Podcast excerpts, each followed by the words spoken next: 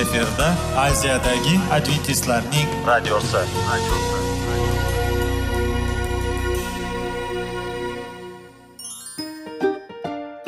assalomu alaykum aziz radio tinglovchilar sog'liq daqiqasi rubrikasiga xush kelibsiz. Zero tananing sog'lom bo'lishi va uning kasalliklardan saqlash har bir insonning burchi hisoblanadi. Inson uchun bebaho boylik bu sog'liq salomatlikdir. Uni asrash esa har birimizga omonat qilib berilgan. Shuning uchun ham inson o'z sog'lig'ini ehtiyot qilishi va ajib amallardan hisoblanadi. Dono xalqimiz sog'liq tuman boylik deb bejiz aytmagan. Aql idroq sohibi bo'lgan inson o'z hayotini qadrlashi lozim bo'ladi. Hozirgi kunda qanchalik dori darmonlar ko'paymasin tibbiy muassa sifati shifokorlar vasiyasi tibbiy texnika yaxshilanmasin. Agar insonning o'z salomatligi haqida qayg'urmasa kutilgan natijaga erishib bo'lmaydi va biz sizlarga bizning dasturimizga xush kelibsiz deymiz.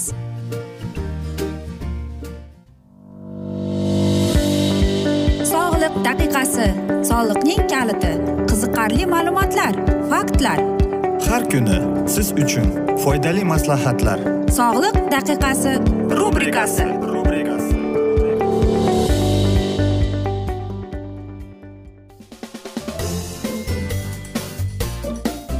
assalomu alaykum aziz radio tinglovchilar. Dasturimizga xush kelibsiz va biz sizlar bilan sog'lom ovqat degan dasturda xushvaqt bo'ling deb aytamiz va bugungi bizning dasturimizning mavzusi bizning arteriyalarimizga qanday oziq ovqatlar foydali deb nomlanadi. Biz sizlar bilan o'tgan galgi dasturimizda aytgan edik yurak qon tomirlari e, buzilib yoki tiqilib qolganda qanday kasalliklarga olib kelishini. Lekin e, mana shu yurak qon tomir kasalliklari bo'lmasligi uchun tomirlar e, kasal bo'lmasin arteriyalarimiz og'rimasligi uchun biz qanday oziq ovqat iste'mol qilishimiz kerak? Bugungi dasturimiz aynan mana shular haqida.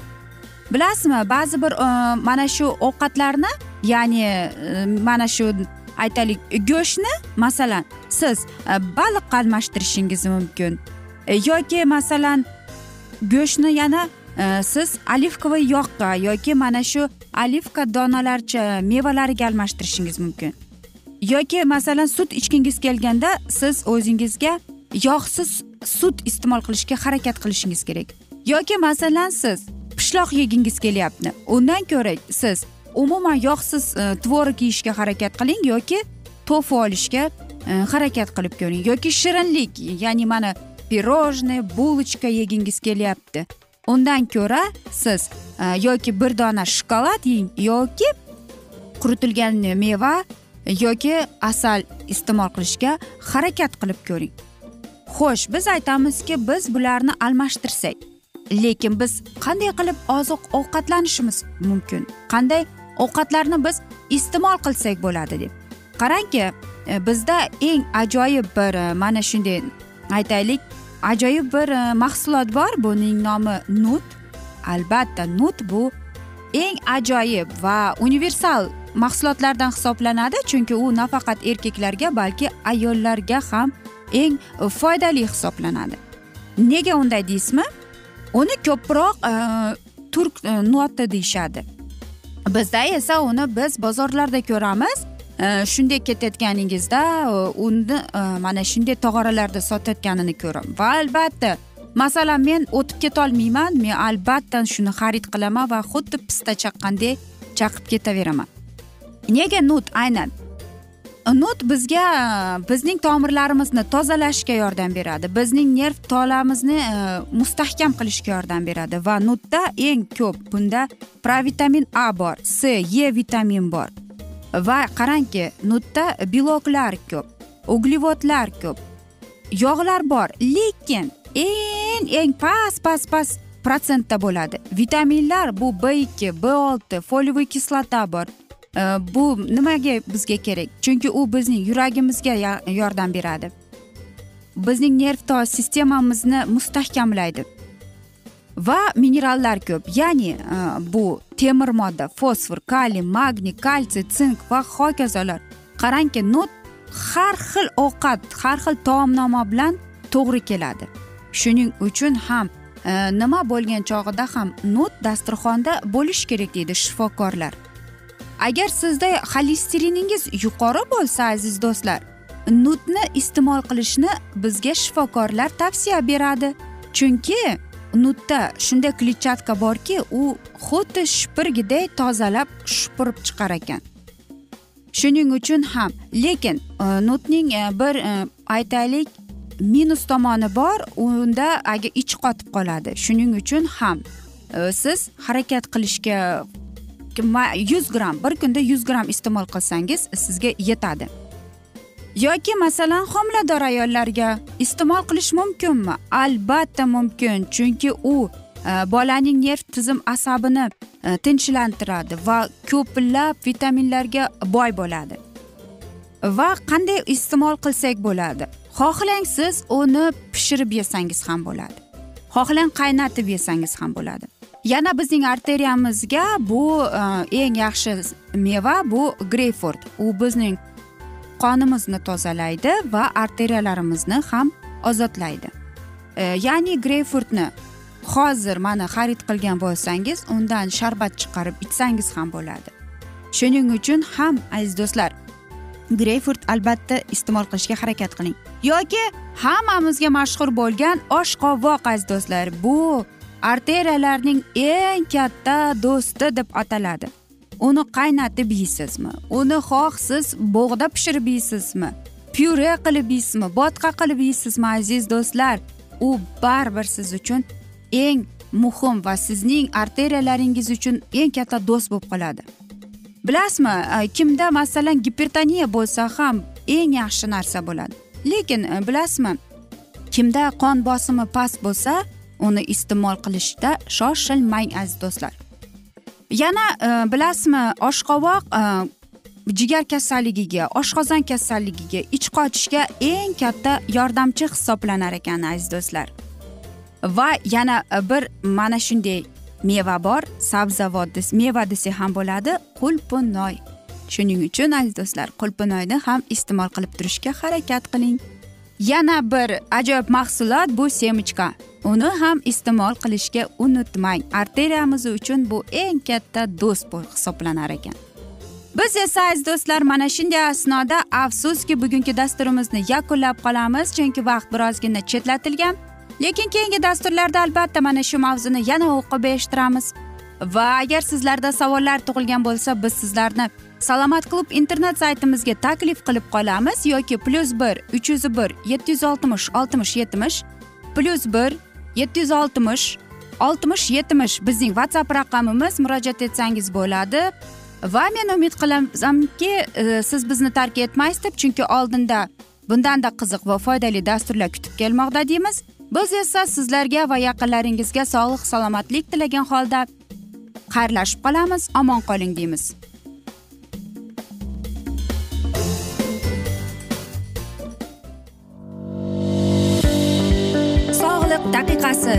Soliqning kaliti. Qiziqarli ma'lumotlar faktlar. Har kuni siz uchun foydali maslahatlar. Sog'liq daqiqasi rubrikasi.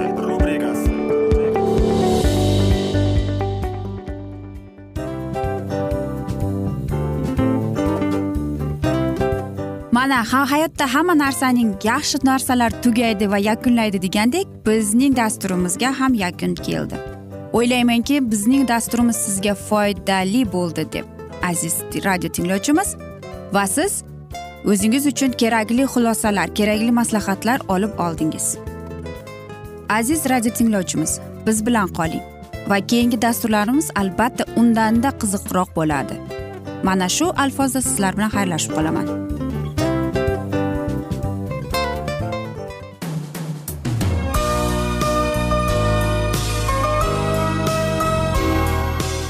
Efirda aziyadagi adventistlarning radiosi.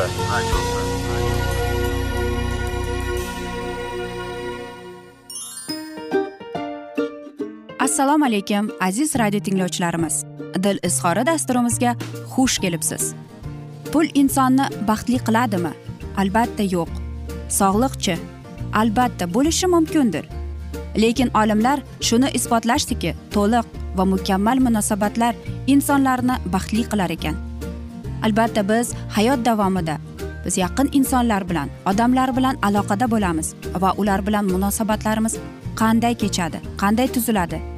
Yigit va qiz er va xotin ota ona va farzandlar va yaqin insonlar bilan. Balkim hozirgi vaqtda kimnidir hayoti yoki munosabatlari buzilyapti. Va bizning dasturlarimiz ularga yordam bo'ladi deb. Va oldinda sizlarni qiziqarli intervyular va mavzular kutyapti va biz umid qilamizki siz biz bilan qolasiz deb.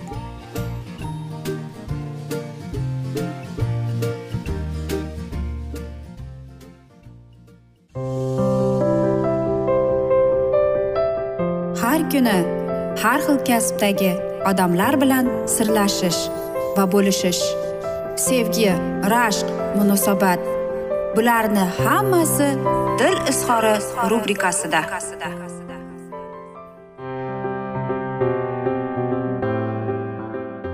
Assalomu alaykum aziz radio tinglovchilar. Dasturimizga xush kelibsiz va bugun biz sizlar bilan izlash va ushlab qolish degan dasturda xushvaqt bo'ling deb aytamiz. Va bugungi bizning dasturimizning mavzusi bu oilaviy nizolar deb ataladi va bu ikkinchi dasturdir. Va aziz do'stlar biz o'tgan yil dasturimizni bugun aynan davom ettiramiz. Xo'sh oilaviy nizolar bu nima degani yoki nizolarsiz oila bo'ladimi deydi yo'q albatta. Chunki oiladagi shaxslar aro munosabatlar odatda nizosiz bo'lmaydi. Bu nizolar e, ma'lum darajada er xotin munosabatlarini rivojlantiruvchi katalizator vazifasini o'taydi. Lekin nizoning nizodan farqi bor deb bejiz aytmagan. Xo'sh shunday ekan ikki va undan ortiq shaxsdan individual ya'ni individ tashkil topgan oila ham ikki uch karra takrorlamaslar bir oila uchun me'yorda bo'lgan shaxslar aro munosabatlar tizimi ikkinchi bir oilaga mutlaqo mos kelmasligi. Yoki biron bir oila uchun u qadar ahamiyatga ega bo'lmagan. Nizo va uning sababi boshqa oila a'zolarining o'zaro munosabatlarida jiddiy oqibatlar. Nizolar va ularning sabablarini yagona bir o'lcham yoki xarakteristika bilan ko'rsatib berish masalasi ham mantiqqa to'g'ri kelmaydigan ishdir. Lekin turli toifadagi oilalarni o'rganish ular a'zolarining o'zaro munosabatlarini taqqoslash va shu qabilalar asosida ayrim nisbiy xulosalarga mulohazalarga kelishi mumkinki shu nisbiylikdan har bir odam o'zi uchun nisbatan tegishli munosabatlar oiladagi nizolar haqida fikr yuritar ekanmiz ularning barcha oilalarga mutlaq tegishli bo'lishligini ekanligini da'vo qilolmaymiz quyidagilar ham bizning nisbiy mulohazalarimizdandir. Oilaviy nizolarning turlari bo'ladi. Birinchi bu er xotin o'rtasidagi ikkinchi bu qaynona kelin o'rtasidagi uchinchisi bu qaynona kuyov o'rtasidagi to'rtinchisi bu ovsinlar o'rtasidagi beshinchisi bu ota onalar va farzandlar o'rtasidagi. Oilada yuzaga kelish ehtimoli bo'lgan nizo janjallarning sabablarini aniqlash va ularning oldini olish masalalarini ijobiy hal qilish uchun birinchi navbatda ularni kimlar o'rtasida yuz berayotganligini farqlab olish maqsadga muvofiqdir. Oilaviy nizolarda kimlar ishtirok etganiga ko'ra ularni quyidagicha asosiy turlarga ajratish mumkin.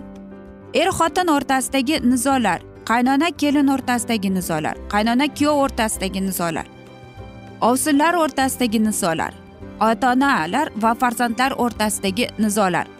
Albatta bu ro'yxatni yana davom ettiraverishimiz mumkin lekin biz hozircha shu yuqorida keltirilgan e, bilangina foydalanib oilaviy hayotda ro'y berish ehtimoli nisbatan yuqori bo'lgan nizolarning eng asosiy bo'lmish er xotin o'rtasidagi nizolarning ayrim xususiyatlarini ko'rib chiqish maqsadga muvofiqdir. Umuman oilada er xotin o'rtasidagi nizolarning yuzaga kelishi va rivojlanishi taxminan quyidagida keltirilgan sxemadek bo'lishi mumkin. Sxemadan ko'rinib turibdiki har qanday oilada er xotinning o'zaro munosabatlarida nizoli vazifa vaziyatlarning yuzaga kelishi mukarrar. Lekin shu nizolarning xarakteri ularning oqibatlariga ko'ra turli oilalar va ulardagi oilaviy munosabatlar bir birlaridan farqlanadi. Shunday ekan biz dastavval muvaffaqiyatli va muvaffaqiyatsiz oilalarda ro'y beradigan nizolarni ko'rib chiqaylik. Sxemada ko'rinib turgandek muvaffaqiyatli oilalardagi nizolar biriktiruvchi va muvaffaqiyatsiz oilalarda nizolar esa ajratuvchi xarakterga ega. Shuning uchun ham psixologik adabiyotlarda nizolar shartli ravishda konstruktiv biriktiruvchi va destruktiv ya'ni ajratuvchi nizolarga farqlanadi. Ular o'zlarining yuzaga kelishiga asos bo'lgan muammolar bu muammolarning hal etilishi kechishini ishtirokchilari oqibatlari va boshqalarning xarakteriga ko'ra bir birlaridan farqlanadi. Biriktiruvchi nizolarning yuzaga kelishiga asos bo'lgan muammolar va ularning hal qilishni ham erning ham xotinning butun oilaning manfaatlariga qaratilgan bo'ladi. Agar ular hal etilsa buning oqibatida oilaning umumiy manfaatlariga oid muammolar o'z yechimini topadi. Bunday nizolarga oiladagi tartib intizom ozodalik oila byudjetini yuritish saramjonlik tejamkorlik isrofgarchilikka yo'l qo'ymaslik bola tarbiyasi va boshqa shu kabi toifadagi nizolar misol bo'la oladi. Ular asosan er xotin o'rtasidagida e, yuzaga keladi. Ularning ishtirokchilari ham faqat er xotinlarning o'zlarigina hisoblanadilar. Xo'sh aziz do'stlar qarangki oilada mana shunday nizolarning beshta toifasi bo'lar ekan. Ya'ni biz yuqorida aytib o'tgandek er xotin qaynona kelin qaynona kuyov ovsinlar va hokazolar. Albatta psixolog aytyaptiki buni davom ettirishimiz mumkin deyapti. Lekin qarangki e, bundan kelib chiqishi mumkinki nizolar nafaqat sizning oilangizda balki e, bu hamma oilada ham qaratilgan nizolar hisoblanadi. Shuning uchun ham biz o'zimizning munosabatimizni to'liq boshqacha qarashimiz kerak. Ya'ni to'g'richa aytganda oddiy til bilan aytganda boshqacha nazar bilan qarab o'tishimiz kerak. Va o'z agar xato bizda bo'lsa biz o'zimizdagi xatolarni olib tashlashga harakat qilishimiz kerak. Agar sizni bir narsa qoniqtirmayotgan bo'lsa o'tirib to'g'ri gaplashish bu ham eng yaxshi muloqot hisoblanadi. Biz esa aziz do'stlar mana shunday asnoda afsuski bugungi dasturimizni yakunlab qolamiz chunki vaqt birozgina chetlatilgan. Lekin keyingi dasturlarda albatta mana shu mavzuni yana o'qib eshittiramiz. Va aziz do'stlar biz sizlarni plyus bir uch yuz bir yetti yuz oltmish oltmish yetmish bu bizning whatsapp raqamimiz. Savollaringizni berib o'tsangiz bo'ladi va albatta biz javob beramiz deymiz. Va men umid qilamanki bizni tark etmaysiz deb chunki oldinda bundanda qiziq va foydali dasturlar kutib kelmoqda sizlarni. Va albatta aziz do'stlar seving seviling deb xayrlashib qolamiz.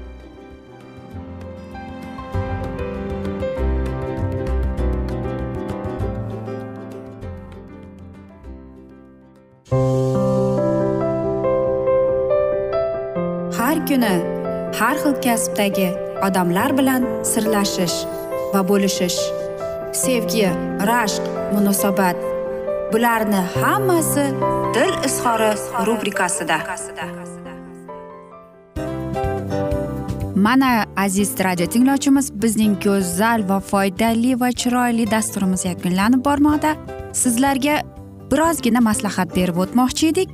Bir biringizni seving qadringizga yeting va erkalang albatta bir biringizni va sizga judayam chiroyli va mustahkam munosabatlar tilab qolamiz albatta. Sevgilingiz doimo yoningizda bo'lsin. Mana shu borada sizlar bilan xayrlashib qolamiz. Xayr.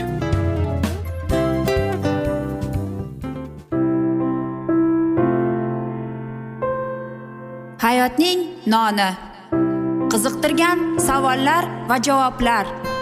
Buning hammasi ko'ngil uchun oziqa rubrikasida.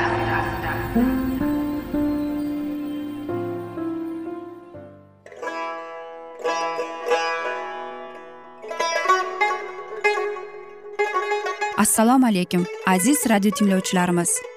Ko'ngil uchun oziqa rubrikasida xush kelibsiz deymiz. Siz haqiqatni izlayapsizmi? Olamnimi umidnimi siz kimga murojaat qilmoqchisiz? Odamlar ko'pincha siyosat kuchiga tayanadilar.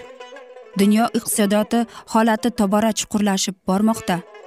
Tabiiy ofatlar va texnogen halokatlar minglab insonlarning hayotini olib ketib juda katta zarar yetkazmoqda. Sizga abadiy hayot inomini hadya qiluvchi va hayotingizni tubdan o'zgartiruvchi haqiqatni izlab toping. Xudo haqidagi haqiqat uning kalomida mujassamlashgan. Kimki bu haqiqatni butun qalbi bilan izlasa albatta unga yetishadi. Bu sevgi xudoning tarixidir. Hayotingizda yoki sizning yon atrofingizdagi olamda nimalar yuz berishidan qat'iy nazar siz ertagi kunga buyuk umid va ishonch hosil qilishingiz mumkin. Hozirda xudo sizga taklif qilayotgan umid ishonchga o'z qalbingizni oching va sizni qiziqtirayotgan mavzularni savollaringizga javoblaringizni topib olasiz deb umid qilamiz. Biz bilan qoling.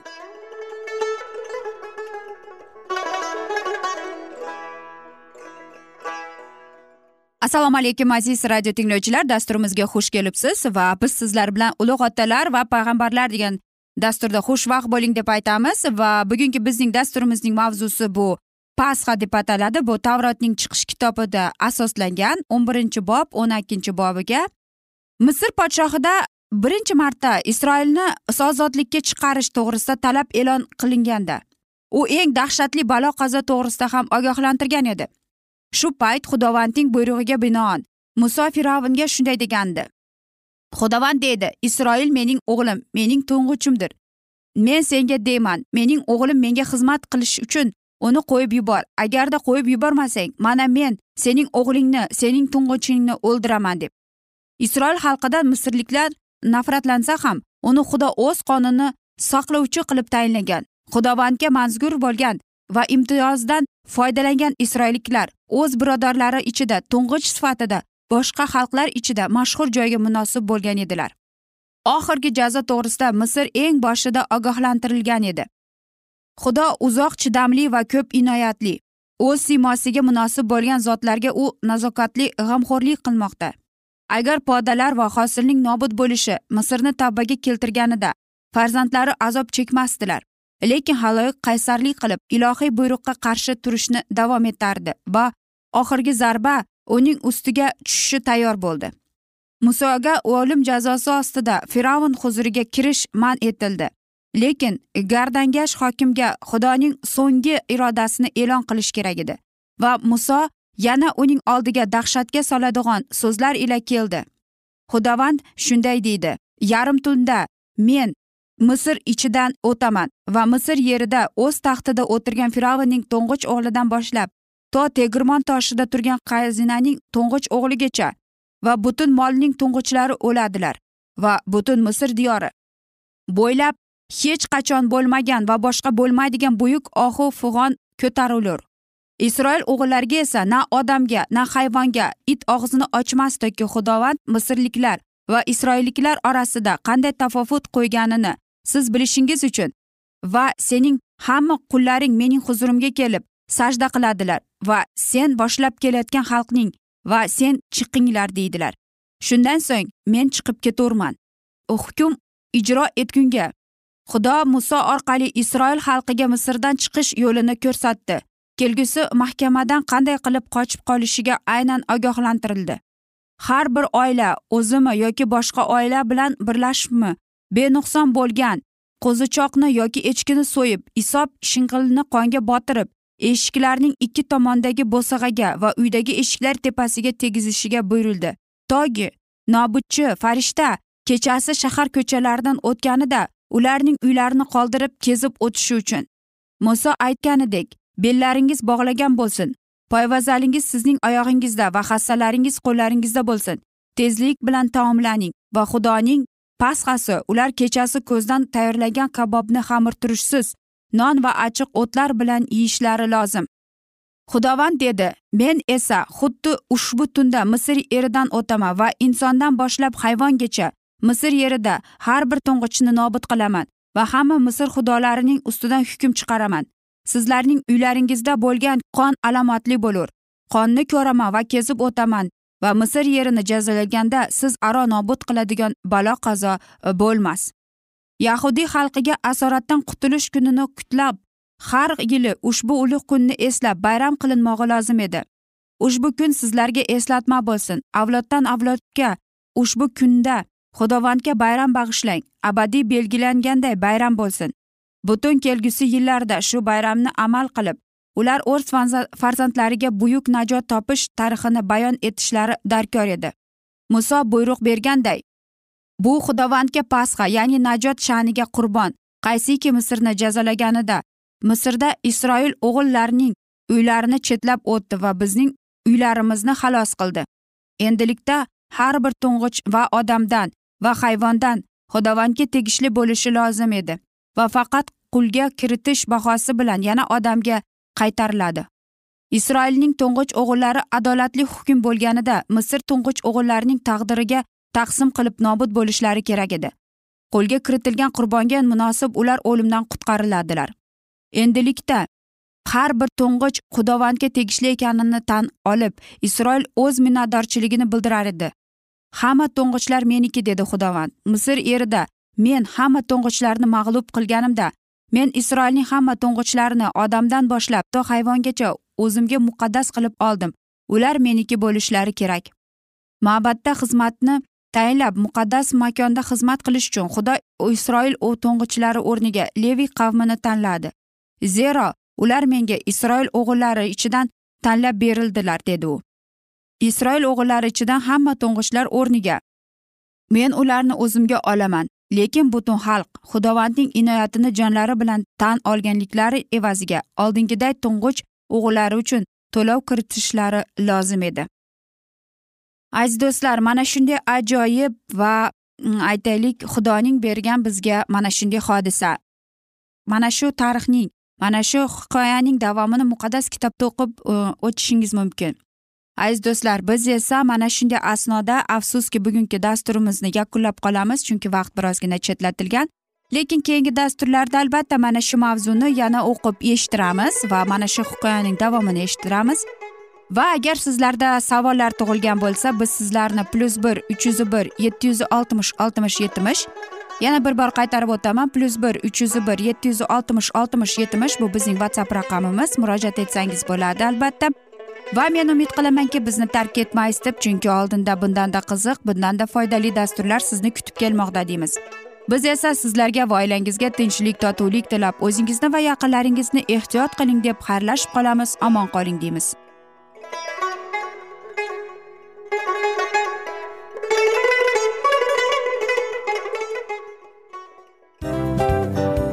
Hamma narsaning yakuni bo'ladi degandek afsuski bizning ham dasturlarimiz yakunlanib qolyapti. Va biz o'ylaymizki bizning dasturimizdan o'zingiz uchun kerakli va foydali maslahatlar olib oldingiz. Sog'liq borasida sizga foydali maslahat berganmiz deb umid qilaman albatta. Va sizlarga mana shu borada sog'liq tilab qolaman. Munosabatlarga kelganda esa sizlarga sevgi omad va albatta yaxshi munosabatlar tilab qolamiz. Uchinchisiga kelganda esa bu juda chuqur va e'tiborli nazarni qumsaydi. Va sizlarga mana shu yaxshilik kayfiyatda sizni kayfiyatingizni ko'targan holda sizlar bilan xayrlashib qolaman afsuski. Ammo lekin keyingi dasturlarimiz undanda qiziq bo'ladi. Va siz biz bilan bo'ling bizni tanlaganingiz uchun sizlarga rahmat. Omad sizlarga xayr.